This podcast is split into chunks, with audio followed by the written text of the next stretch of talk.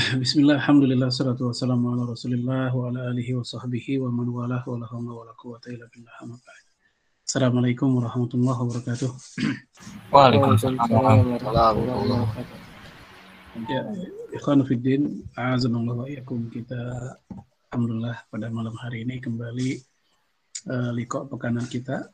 Uh, semoga teman-teman yang dalam perjalanan Eh, selamat dan sehat walafiat bisa bergabung semuanya. Adapun yang tidak bisa bergabung semoga bisa bergabung pada pekan yang akan datang. Ya kita akan bahas tentang uh, surga itu ringan, ya neraka itu justru berat. Ya dalam riwayat Imam Bukhari, ya Rasulullah alaihi wasalam kedatangan seorang uh, Arab Badui atau pedalaman. Ya dia bertanya dullani ya Rasulullah ila amalin yudkhilul jannah? Tunjukkan kepadaku wahai Rasul uh, tentang amal yang bisa membuat diriku masuk surga. Uh, Rasulullah alaihi salatu wasalam menyebutkan tentang rukun Islam khususnya sholat. Ya kalau syahadat nggak disebut karena memang ini orang sudah bersyahadat Lalu si Arab Badui ini nanya lagi, ya apakah ada tambahannya selain yang sholat lima waktu? Maka Rasul mengatakan, nah, iya, uh, in tatawa, tapi itu tatawu saja. Tatawu itu ibadah sukarela, sunnah. Lalu kata si Arab Badui tadi, lam azid lahu. Kalau gitu saya nggak nambahin. Jadi yang wajib-wajib saja. Lalu kemudian Rasulullah pun menyebutkan tentang saum ya Ramadan. Nah sama dia pun si Arab Badui ini nanya lagi, apakah ada selain saum Ramadan? Nabi pun bilang ada yang sunnah kalau engkau mau. Nah lagi-lagi dia mengatakan lam azid lahu syaya. Saya tidak menambahkan sedikit pun. Hingga akhirnya ya Rasul juga menambahkan tentang uh, zakat Nah, sama ketika dia bertanya yang sunnah, Nabi pun juga sebutkan ada sedekah yang sunnah. Nah, dia pun juga mengatakan, ya saya akan melakukan yang wajib dan tidak akan menambahkan dengan yang tambahan yang sunnah itu. Nah, Rasul belum cerita hingga sampai haji. Maka si orang ini udah pergi duluan.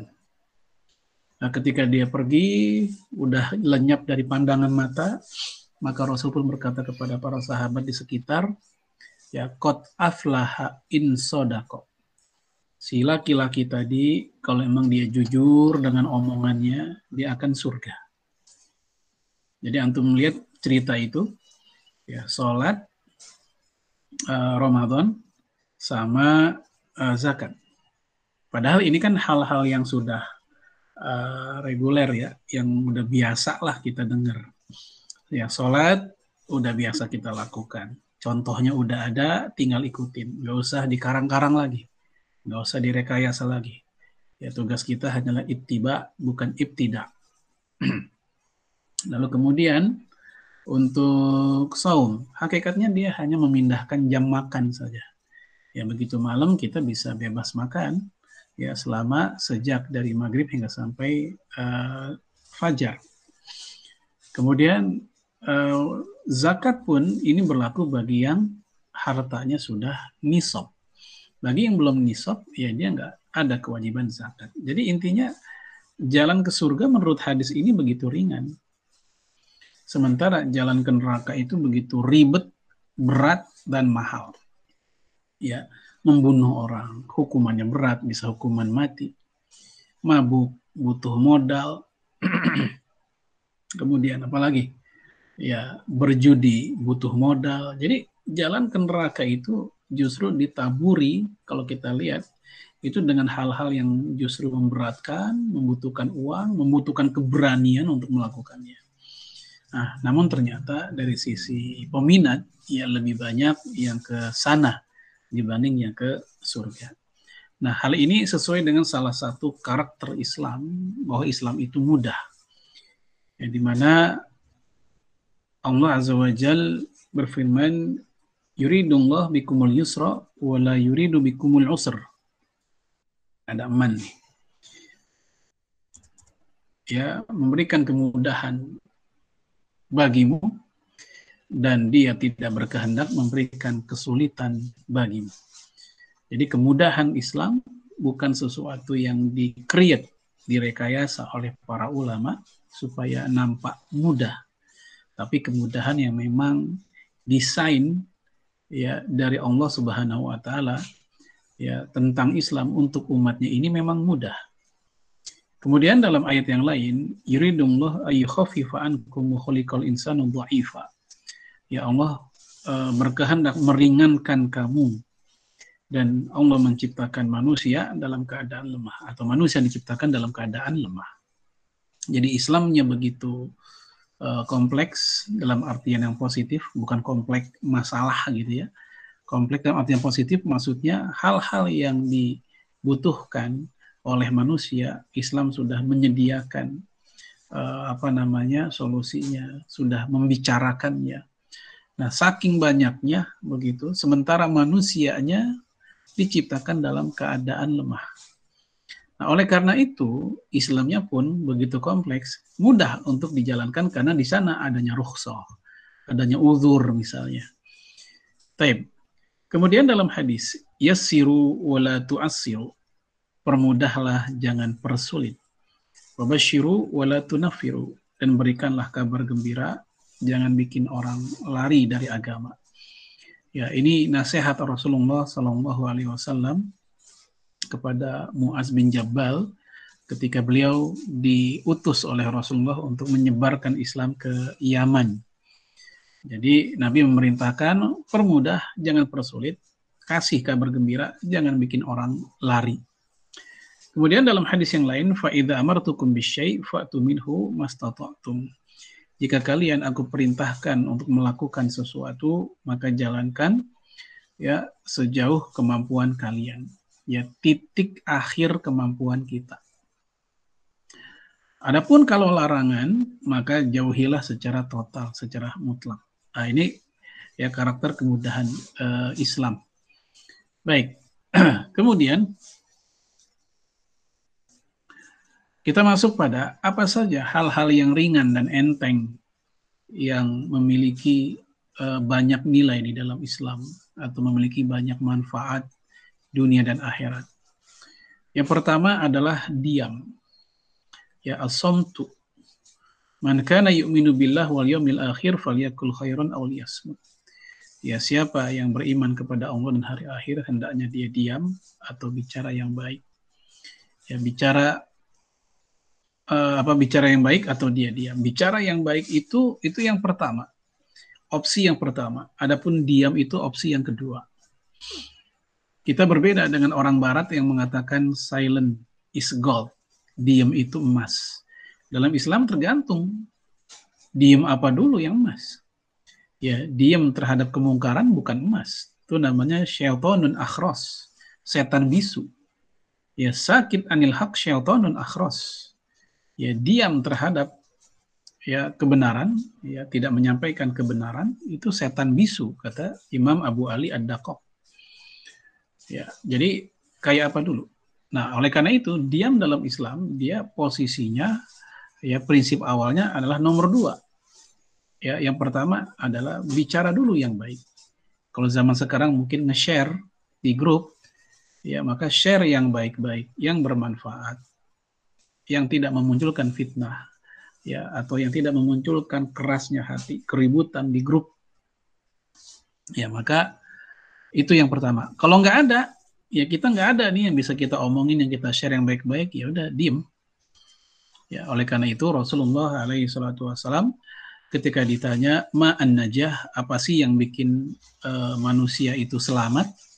Ya, Nabi menjawab amsik alaika lisanak, jagalah olehmu mulutmu atau kalau zaman sekarang amsik alaika ibhamak jagalah olehmu jempolmu ya ini kalau konteks zaman sekarang begitu karena sekarang orang lebih sering berbicara bukan dengan mulutnya tapi dengan jari jemarinya nggak tahan ya pengen komen nggak tahan pengen nge-share ya, walaupun yang dia komenin belum tentu penting belum tentu bermanfaat ya kalaupun penting ya bagi siapa pentingnya juga nggak tahu dan lebih parah lagi udah nggak penting bohong lagi itu lebih parah lagi begitu.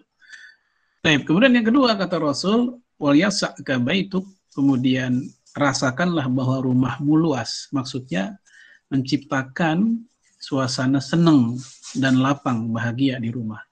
Rasul tidak mengatakan renov rumahmu sampai besar. Tapi yang diinginkan adalah kemampuan seseorang muslim atau muslimah di rumahnya untuk menciptakan suasana yang segar. Ya, walaupun rumahnya biasa aja, barangkali ruang tamunya juga hanya cukup lima orang, empat orang misalnya. Ya, kemudian juga apalagi ya kamarnya juga hanya satu atau dua. Tetapi di dalamnya terjadi keceriaan, ya anak istri semua ceria, baik-baik aja, sehat walafiat, nggak punya musuh dengan tetangga, nggak punya masalah dengan keluarga besar, dengan mertua atau orang tua. Itu lapang rasanya dibanding mereka yang memiliki rumah besar, barangkali jumlah kamar sejumlah anggota keluarga, barangkali jumlah mobil sejumlah anggota keluarga, kalau perlu rumah bukan hanya tingkat basement juga ada, ya plus ada kamar buat security dan pembantu, tapi isinya keributan, isinya ya anak yang durhaka kepada orang tua, isinya istri yang durhaka kepada suami, maka ini sempit buat uh, kita, sempit buat para penghuni di dalamnya. Maka Rasul tidak mengatakan ukuran rumah, tapi kemampuan seseorang secara maknawi menciptakan kebahagiaan itu. Kemudian wabki ala khotiatik, kemudian tangisilah kesalahanmu, sesalilah dosamu. Nah, ini di antara cara kita selamat. Nah, yang paling pertama Nabi sebutkan adalah yaitu menjaga lisan, diam. Taib. Nah, tentu diam ini nggak selamanya baik seperti yang saya katakan tadi ya ada kondisi kita harus diam, ada kondisi kita harus uh, bicara. Uh, jangan lupa mulut ini menjadi sebab orang masuk surga. Ketika Rasul mengatakan dalam hadis Imam Abu Daud, ya man kana akhiru kalamihi la ilaha illallah dakhalal jannah. Siapa yang akhir kalamnya, akhir ucapannya adalah la ilaha illallah, maka dia surga. Nah, itu mulut, kalam. Atau dalam hadis yang lain, ya man qala la ilaha illallah sidqan min qalbihi dakhalal jannah. Siapa yang berkata la ilaha illallah jujur dari hatinya, maka dia surga.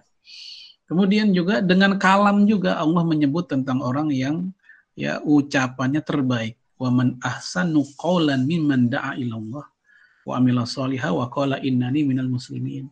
Siapakah di antara manusia yang ucapannya lebih baik dibanding orang yang mengajak kepada Allah? Lagi-lagi ini ngomongin ucapan, berarti mulut. Memang Allah menciptakan, menciptakan kita mulut itu untuk bicara, bukan untuk diam. Ya. Kemudian juga kebalikannya banyak juga mulut yang menjadi sebab orang masuk ke neraka.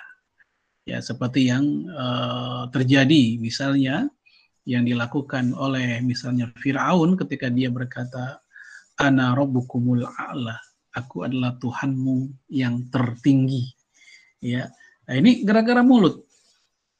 Kemudian juga ketika Rasul ditanya, ya su'ilah Rasulullah alaihi salatu ya Rasul ditanya tentang eh, ma'athar jannah. Uh, karena faktor apakah manusia dimasukkan ke surga? Nabi menjawab takwa Allah wa husnul huluk, takwa dan akhlak yang baik. Lalu Nabi ditanya lagi, wa ma'ukhira ya li jannar. Adapun apa yang membuat manusia paling banyak dimasukin ke neraka? Nabi pun menjawab yaitu al-famul farj, yaitu mulut dan kemaluan. Lalu dalam hadis yang lain dalam hadis Bukhari Nabi juga mengatakan man man lima baina lihiyaih wa ma baina rijlaih atman lahul jannah. Siapa yang mampu menjamin ya menjaga mulut dan menjaga kemaluannya, aku jamin dia masuk surga. Jadi secara implisit ya kita jadi tahu yang paling banyak membuat manusia tergelincir ke neraka itu ya dosa mulut dan dosa kemaluan. Ya dosa mulut macam-macam, bukan hanya ngucapin hal-hal yang kafir tadi.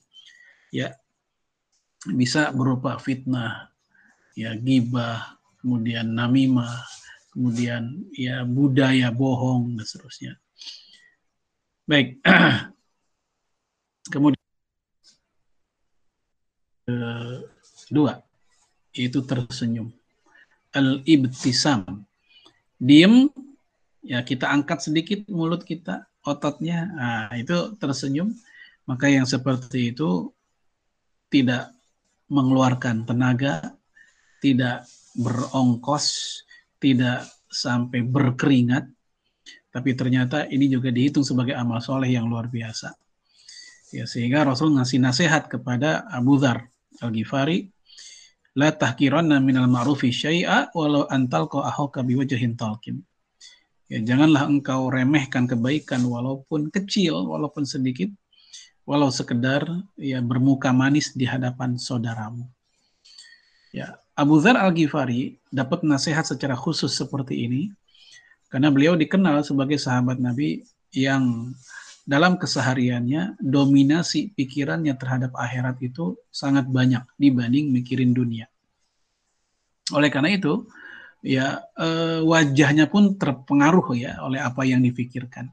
Seperti selalu sedih, murung begitu. Maka Nabi pun ngasih nasihat ya supaya dia tersenyum ya karena itu walaupun nampaknya remeh, kecil, sedikit, tapi bagi seorang muslim yang memandangnya itu luar biasa. Bahkan itu seolah menjadi obat bagi penyakit yang dialami oleh saudara yang lain. Yang gelisah, yang ketakutan, yang lagi gundah gulana, itu bisa terobati dengan senyum saudaranya. Ya bahkan senyum ini bisa menjadi setengah obat bagi masalah saudara kita. Ya orang yang lagi sedang keadaan gelisah segala macam, kita dekatin dia, kita pupuk punggungnya, kita senyumin, itu udah mulai enak gitu ya uh, walaupun memang senyum sendiri harus tahu diri tahu kondisi kemudian kepada siapa kita harus tersenyum ya bahaya kalau senyum kepada orang yang bukan pada tempatnya dan bukan pada situasinya ya seperti misalnya ya seorang duda senyum di depan janda ah ntar salah tafsir tuh atau janda senyum di depan duda kebalikannya ini juga bisa uh, salah tafsir juga. Ya, atau misalnya bujangan senyum ke bujangan. Ya, gadis dengan perjaka. Ya, sama-sama senyum ketemu. Nah, ini juga bisa salah tafsir juga. Yang yang satu nyangkain apa, yang satu juga nyangkain apa, padahal nggak ada apa-apa. Nah, oleh karena itu senyum sendiri, jangankan senyum, ucapan salam saja yang mengandung doa. Ya para fukoha memberikan rincian Rinciannya adalah seperti yang ditanya kepada Imam Malik ya dalam kitab Al-Mudawanah. Ya boleh nggak ngucapin salam kepada seorang wanita yang sedang sendirian dan wanita ini masih gadis. Kata Imam Malik, akroh, aku memakruhkannya. Dan kata Imam Nawawi, makruh mengucapkan salam kepada seorang wanita yang sedang sendirian, ya, uh, di mana wanita itu masih gadis, masih muda, ya, Lalu Imam Malik ditanya lagi, bagaimana yang kalau kita salamin itu sudah ajuz, sudah nenek-nenek? Ya kata Imam Malik silakan. Karena kalau ya, sama nenek-nenek lebih minim apa namanya potensi fitnahnya. Nah atau terhadap wanita yang lagi rame-rame, eh, satu orang ya, dua tiga orang rame-rame lah pokoknya, itu pun tidak masalah. Karena Rasul pun pernah mengucapkan salam kepada kumpulan wanita. Nah ini eh, kita lihat senyum walaupun dia menjadi amal soleh yang ringan, di mana muka manis kita bisa menjadi obat bagi saudara kita dan sebagai ibadah. Ya, namun tetap ya ada aturan main, ada SOP-nya, ada adabnya yang mesti diperhatikan. Sama sebagaimana diem tadi. Walaupun diem itu mulia, ada kondisinya. Ya, eh, bukan hanya diem, berbicara pun juga tentang tema-temanya juga ada kondisinya. Ya, inna likulli maqalin makan wa likulli makanin maqal. Ya, setiap tema pembicaraan ada tempatnya, setiap tempat ada temanya. Ya, eh, kita mengajak orang untuk eh, apa nih misalnya zikrul maut ya dalam kondisi mereka lagi senang nggak pada tempatnya. Walaupun zikrul maut pada hakikatnya bagus. Atau kebalikannya, kita mengajak orang untuk berpikir yang enak-enak dalam keadaan orang sedang muhasabah. Ini kan juga nggak pada tempatnya. Baik, ya ini yang kedua ya tentang uh, tersenyum. Kemudian yang ketiga zikir. Ya, dan ini ada beberapa contoh ya, walaupun secara umum ya zikir terbaik adalah membaca Al-Qur'an seperti yang dikatakan oleh Imam An-Nawawi rahimahullah bahwasanya para ulama ya memilih bahwa zikir yang terbaik adalah membaca Al-Qur'an. Ya, faqad tazaharat al-adillah al-kafirah ya kata beliau begitu nampak jelas dalil yang begitu banyak dalam Al-Qur'an apa dalam hadis bahwa zikir yang terbaik adalah membaca Al-Qur'an. Namun demikian, ada beberapa zikir yang nampaknya ringan dan pendek-pendek tapi luar biasa benefitnya. Contoh di sini man qala subhanallah wa bihamdihi fi yaumin mi'ata marrah huttat khotoyahu wa in kanat misla zabadil bahr. Jadi siapa yang membaca subhanallah wa bihamdi ya sebentar doang itu subhanallah bihamdi ya paling antum baca nggak sampai satu detik. Namun kita baca sebanyak 100 kali. Ya kalau nggak sampai satu detik kita baca satu sekali ya anggaplah 100 detik berarti nggak sampai dua menit. Apa yang terjadi? ya kita akan mendapatkan keistimewaan berupa dihapuskan kesalahan kita walaupun misla zabadil bahar seumpama buih di lautan sebanyak buih di lautan Imam Ibnu Hajar mengatakan maksud dari sebanyak buih di lautan itu bukan makna hakiki bukan makna benar-benar sebanyak buih di lautan itu maksudnya adalah bahasa kinayah bahasa simbolis dari betapa banyaknya dosa orang itu yang dihapuskan melalui ucapan subhanallah wa bihamdi. Dan kata Imam Nawawi, boleh dibagi menjadi dua, 50 kali di pagi hari, yang bersamaan dengan zikir pagi, dan 50 di sore hari bersamaan dengan zikir petangnya. Mau langsung 100 juga nggak ada masalah. Karena hadis ini menyebut, ya dalam satu hari, fi yaumin, ya selama intervalnya masih satu hari mau pagi mau sore maka nggak ada masalah mau dia baca 50 50 atau langsung 100 atau 75 25 pokoknya 100 dalam sehari. Baik, ini contoh salah satu zikir saja. Ya, sementara dalam eh, hadis yang lain man ayatul kursi fi duburi kulli salatin maktubah. Ya, siapa yang membaca ayat kursi?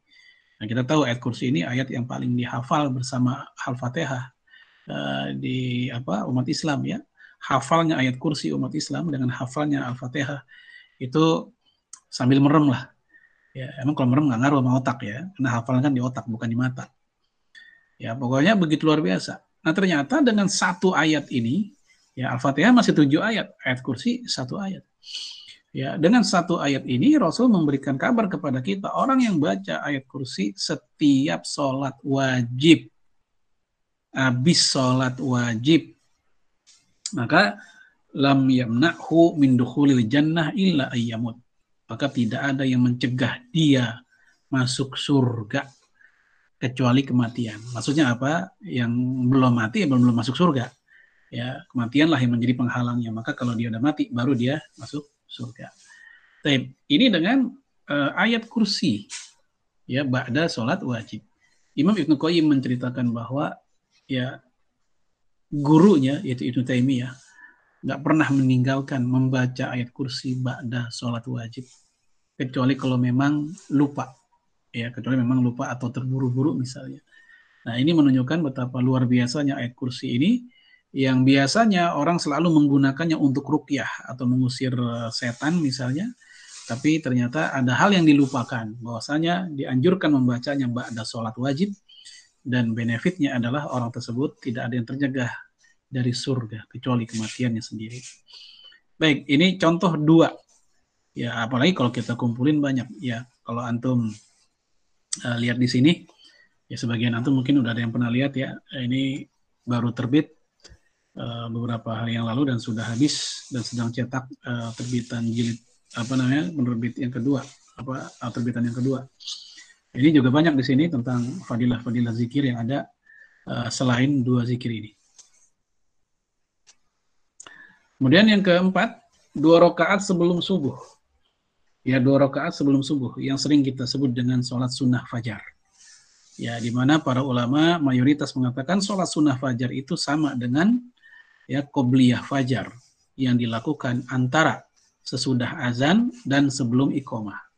Nah, sebagian kecil mengatakan sholat sunnah fajar itu dua rakaat sebelum azan. Berdasarkan hadis Sahih Muslim, ketika Rasulullah selesai sholat malam 11 rakaat, udah dengan witir, Nabi melakukan dua rakaat lagi. Lalu kata Imam Ibn Qayyim dalam Zadul Ma'ad, dua rakaat yang Nabi lakukan itu adalah sholat sunnah fajar. Menurut Namun mayoritas mengatakan fajar itu adalah ketika habis azan sebelum iqamah. Sama juga dari itu. Bahwasanya ketika Rasulullah selesai sholat dua rakaat di rumah, kemudian Rasul pun berbaring, bukan baringan tidur ya, tapi hanya memiringkan badan dengan menggunakan bagian apa sisi uh, badannya untuk rebahan sementara. Kemudian bangun, lalu dia ke masjid. Nah, sampai di masjid ya langsung iqomah. Nah, itu tanda bahwa dua rakaat tadi dilakukan setelah azan dan sebelum itu iqomah. Nah, taib, ya ini pandangan umumnya para fukoha. Nah, secara nilai kita lihat dari Aisyah bahwasanya Nabi bersabda, "Rakaat al-fajri khairun minad dunya wa ma fiha." Ya, dua rakaat sholat sunnah subuh atau sholat sunnah fajar tadi itu lebih baik dibanding dunia dan isinya. Ya, lebih baik ini nggak pakai batasan karena khairun nggak pakai alif lam. Kalau pakai alif lam al khair maka lebih baiknya masih ada definitif ketara, ketahuan. Ya, tapi kalau nggak pakai alif lam, maka lebih baik entah dua kali dunia dan isinya, entah tiga kali, entah ribuan kali, belum terdefinisikan. Ini dua rakaat sebelum subuh, maka apalagi sholat subuhnya. Yang sampai gara-gara yang apa ama yang wajib dan Abu Bakar As-Siddiq mengatakan man adda nawafil walam kudiyatil faraid lam tuqballahu nawafil. Orang yang meraktekin ibadah sunnah tapi yang wajibnya justru diabaikan, maka sunnahnya justru nggak diterima. Ya, kemudian kita lihat ya penjelasan Imam Al-Munawi ay na'imu sawabihima khairun min kulli ma yatanammu bihi fid dunya. Fatata'akkadu al-muhafazatu alaihima bal qil biwujuhima. Imam Al-Munawi mengatakan ini maksud dari hadis ini adalah ya betapa luar biasa dan besarnya nikmatnya pahala dua rakaat tersebut.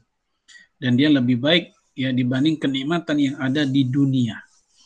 Dan ditekankan lagi kita untuk menjaganya ya balkil bahkan ada yang mengatakan bi wujubi hima wajibnya dua rakaat tersebut walaupun ini pendapat yang syaz ya pendapat yang janggal yang bilang wajib ya umumnya para ulama mengatakan itu uh, sunnah muakkadah Bahkan ini nggak pernah Nabi tinggalkan walaupun sedang safar.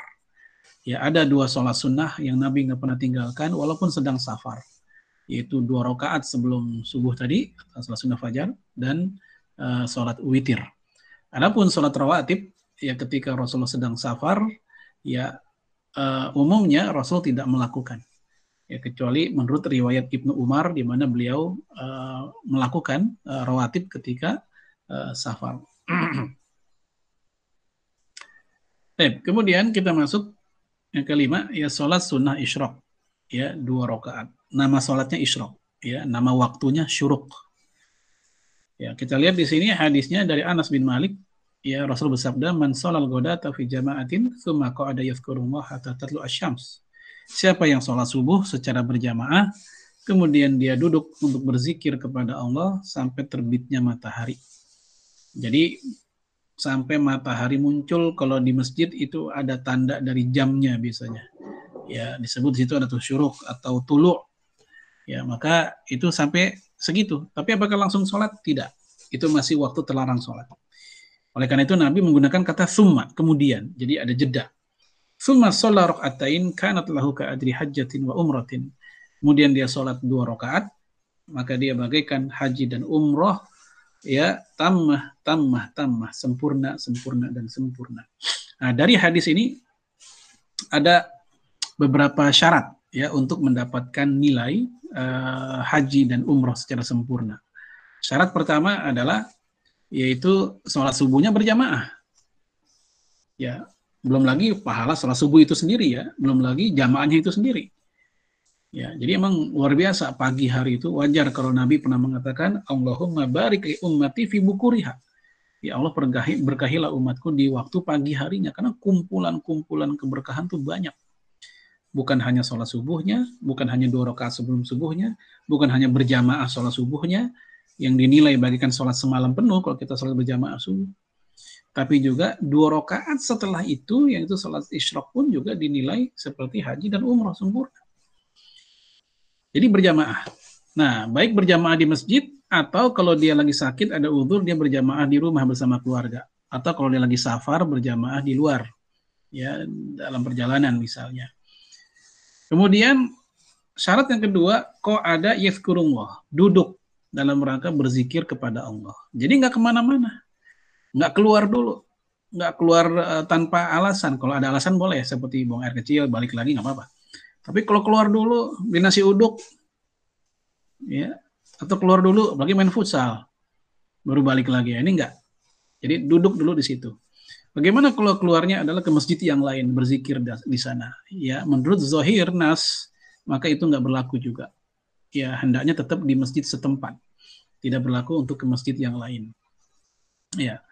Ngapain duduknya? Yafkurullah yaitu berzikir kepada Allah. Dengan segala macam bentuk cara zikir. Baik berupa tilawah, baik berupa bacaan-bacaan zikir yang sudah sama-sama kita tahu. Tapi biasanya kalau zikir dalam arti zikir yang biasa, uh, stamina orang nggak kuat lama. Ya, paling 10 menit ngantuk, 15 menit ya sudah selesai. Kalaupun dia baca Al-Ma'surat yang kubro, ya 15 menit, 20 menit sudah selesai juga. Sementara syuruknya belum. Nah, ada zikir yang lain itu berupa ya majlisul ilmi di mana Atha bin Abi Rabbah ketika menjelaskan makna hilaku zikri, majlis-majlis zikir, dia mengatakan hilaku zikri itu majlis yang dibahas tentang Quran, tentang hadis, tentang kaifatu soli, kaifatasum, ya bagaimana engkau sholat, bagaimana engkau berpuasa, alias majlis ilmu, itu pun juga bagian dari majlis zikir. Bahkan mudhakaroh, ya diskusi keagamaan, itu juga bagian dari majlis zikir. Ya, termasuk juga saling tanya jawab atau memberikan fatwa. Itu juga termasuk kategori majelis zikir. Kemudian dilakukannya sampai terbitnya matahari. Lalu dia sholat dua rakaat tadi. Nah, berapa jeda jaraknya? Nah, Syekh Abdullah Al-Faqih mengatakan jedanya adalah yaitu kurang lebih isrina daqiqah. Kurang lebih 20 menit setelah itu. Setelah syuruk. Sementara Syekh Uthaymin mengatakan 15 menit setelah uh, apa namanya syuruk. Ya memang masing-masing negara agak sedikit beda ya tergantung letak uh, posisinya. Tapi rata-rata segitu, 15 menit atau 20 menit. Ya 15 menit sudah sudah boleh ya dari uh, syuruk.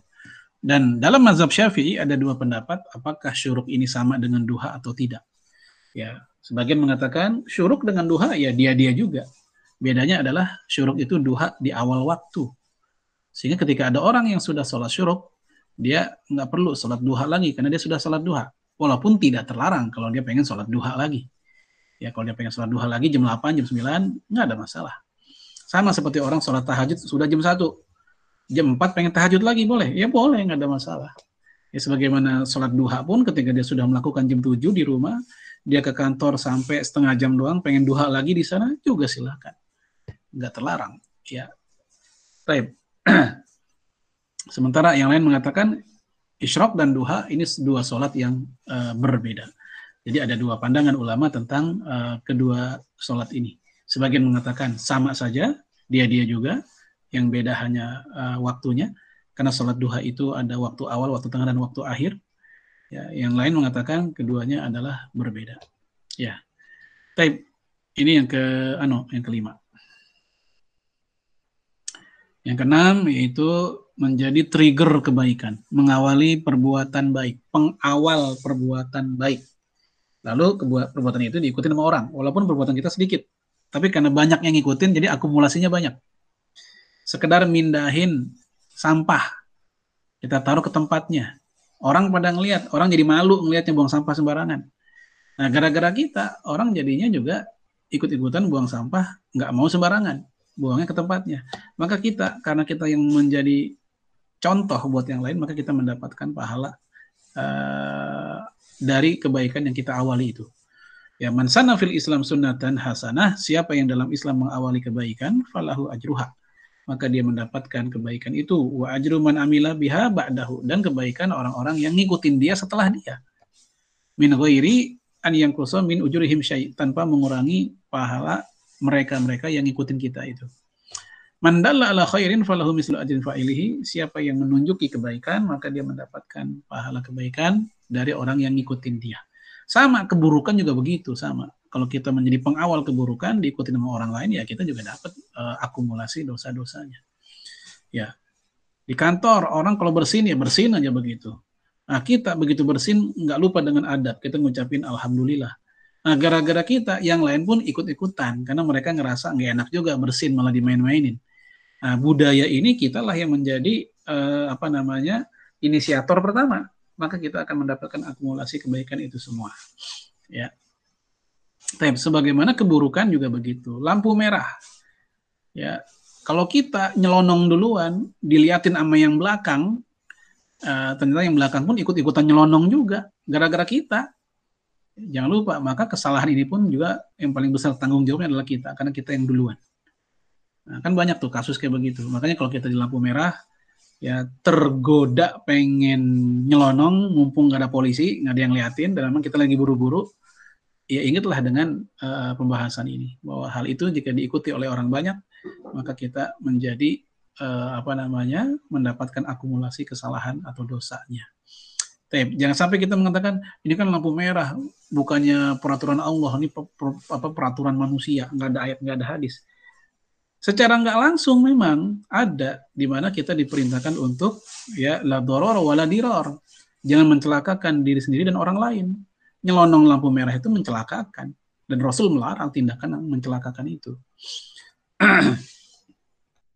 yang ke kemudian yang terakhir ya ini masih uh, satu hal ya dengan uh, yang tadi ya ini bagaimana kalau konteksnya ada orang yang pengen melakukan kebaikan lalu kemudian kebaikan itu nggak jadi dia laksanakan, maka tetap dia mendapatkan nilai kebaikan itu. Ya, karena niatnya sudah dihargai. Faniyatu fi nafsiha khairun. Ya, niat itu kata Imam Al-Ghazali itu aja udah kebaikan. Ya, niat sendiri udah kebaikan. Wa in al-amal bi'aik. Walaupun akhirnya dia kehalang, nggak jadi diamalkan karena emang ada satu uzur. Nah, ini juga luar biasa, ringan sekedar niat udah dapat poin. Yang penting jangan direncanain kayak begitu. Kita udah serius. Ya pengen sholat duha, udah wudhu, udah pakai peci, pakai kain sarung, mau siap-siap sholat. Eh ada tamu. Ngajakin ngobrol. Lama banget sampai zuhur. Mau diusir kagak enak. Kenapa? Kita kan memuliakan tamu juga, perintah agama juga. Ya. Nah gara-gara itu kita nggak jadi sholat duha, tetap kita dapat pahala duha karena ada uzur syari yang menghalangi. Ya kita pengen itikaf, eh ternyata nggak jadi itikaf gara-gara apa kemarin? Pandemi. Ya, banyak orang, banyak masjid yang masih belum berani. Maka tetap niat kita itikaf, insya Allah akan mendapat kebaikan. Apalagi itikaf menjadi budaya kita sebelum-sebelumnya. Ya, maka Nabi mengatakan dalam hadis yang lain dalam riwayat Imam Al Haythami, ya niatul mukmin khairun min amali. Yang namanya niat seorang mukmin itu lebih baik dibanding amali. Amali itu amalihi, amal si mukmin tersebut. Ya. Atau misalnya ketika Rasul alaihi wasallam mengatakan ya siapa yang udah niat pengen sholat malam ya waman yanwi ya ayakuma minal lail siapa yang berniat untuk bangun sholat malam walakin golabat ainu tetapi matanya mengalahkan dia maksudnya apa pules pules banget ya padahal udah pakai macam-macam supaya bangun ya udah mesen ke istrinya tolong bangunin jam 2 udah mesenin ke security perumahan, ngetok yang listrik dua kali. Ya, dia udah pakai alarm, pakai ayam jago di kamar biar kukuruyuk, kagak bangun juga. Ya, maka yang seperti ini dia udah niat banget, tapi nggak bangun juga, emang pules. Apa kata Rasulullah alaihissalatu wassalam? Maka orang ini tetap mendapatkan nilai pahala tahajudnya. Ya, atau misalnya dalam hadis tentang masalah orang yang pengen sholat berjamaah, tapi ternyata dalam perjalanan ya ada halangan, misal motor bocor atau sepeda juga begitu, nyampe di masjid jamaah udah bubar. Nabi mengatakan ya dalam hadis Imam Ibnu Majah ya man tawaddaa fa ahsana wudu'ahu siapa yang berwudu dan dia pengen apa namanya membaguskan wudunya sumarah lalu dia berjalan ke masjid fa wajadan nas qad dia jumpai manusia udah kelar salat berjamaah atau Allah azza wa jalla man tetap Allah kasih pahala yang sama seperti orang yang sholat berjamaah itu ya selama memang dia udah niat banget pengen berjamaah tapi karena faktor uzur syari maka dia uh, nggak bisa berjamaah dapat dapat pahala jamaahnya itu yang nggak boleh yang mana yang merencanakan telat sengaja. Ya, gue kan udah niat baik nih. Nah ini yang nggak boleh. Berarti dia sedang merekayasa niatnya. Baik, Alhamdulillah ini tema kita. Ya, uh, ada berapa? Cukup banyak ya. Ada tujuh kurang lebih dengan yang terakhir ini. Nah, ini sudah saya ringkas ya supaya waktu kita cukup untuk ada sesi baru. Ya, lebih kurang saya mohon maaf. Uh, Hadanallahu Assalamualaikum warahmatullahi wabarakatuh.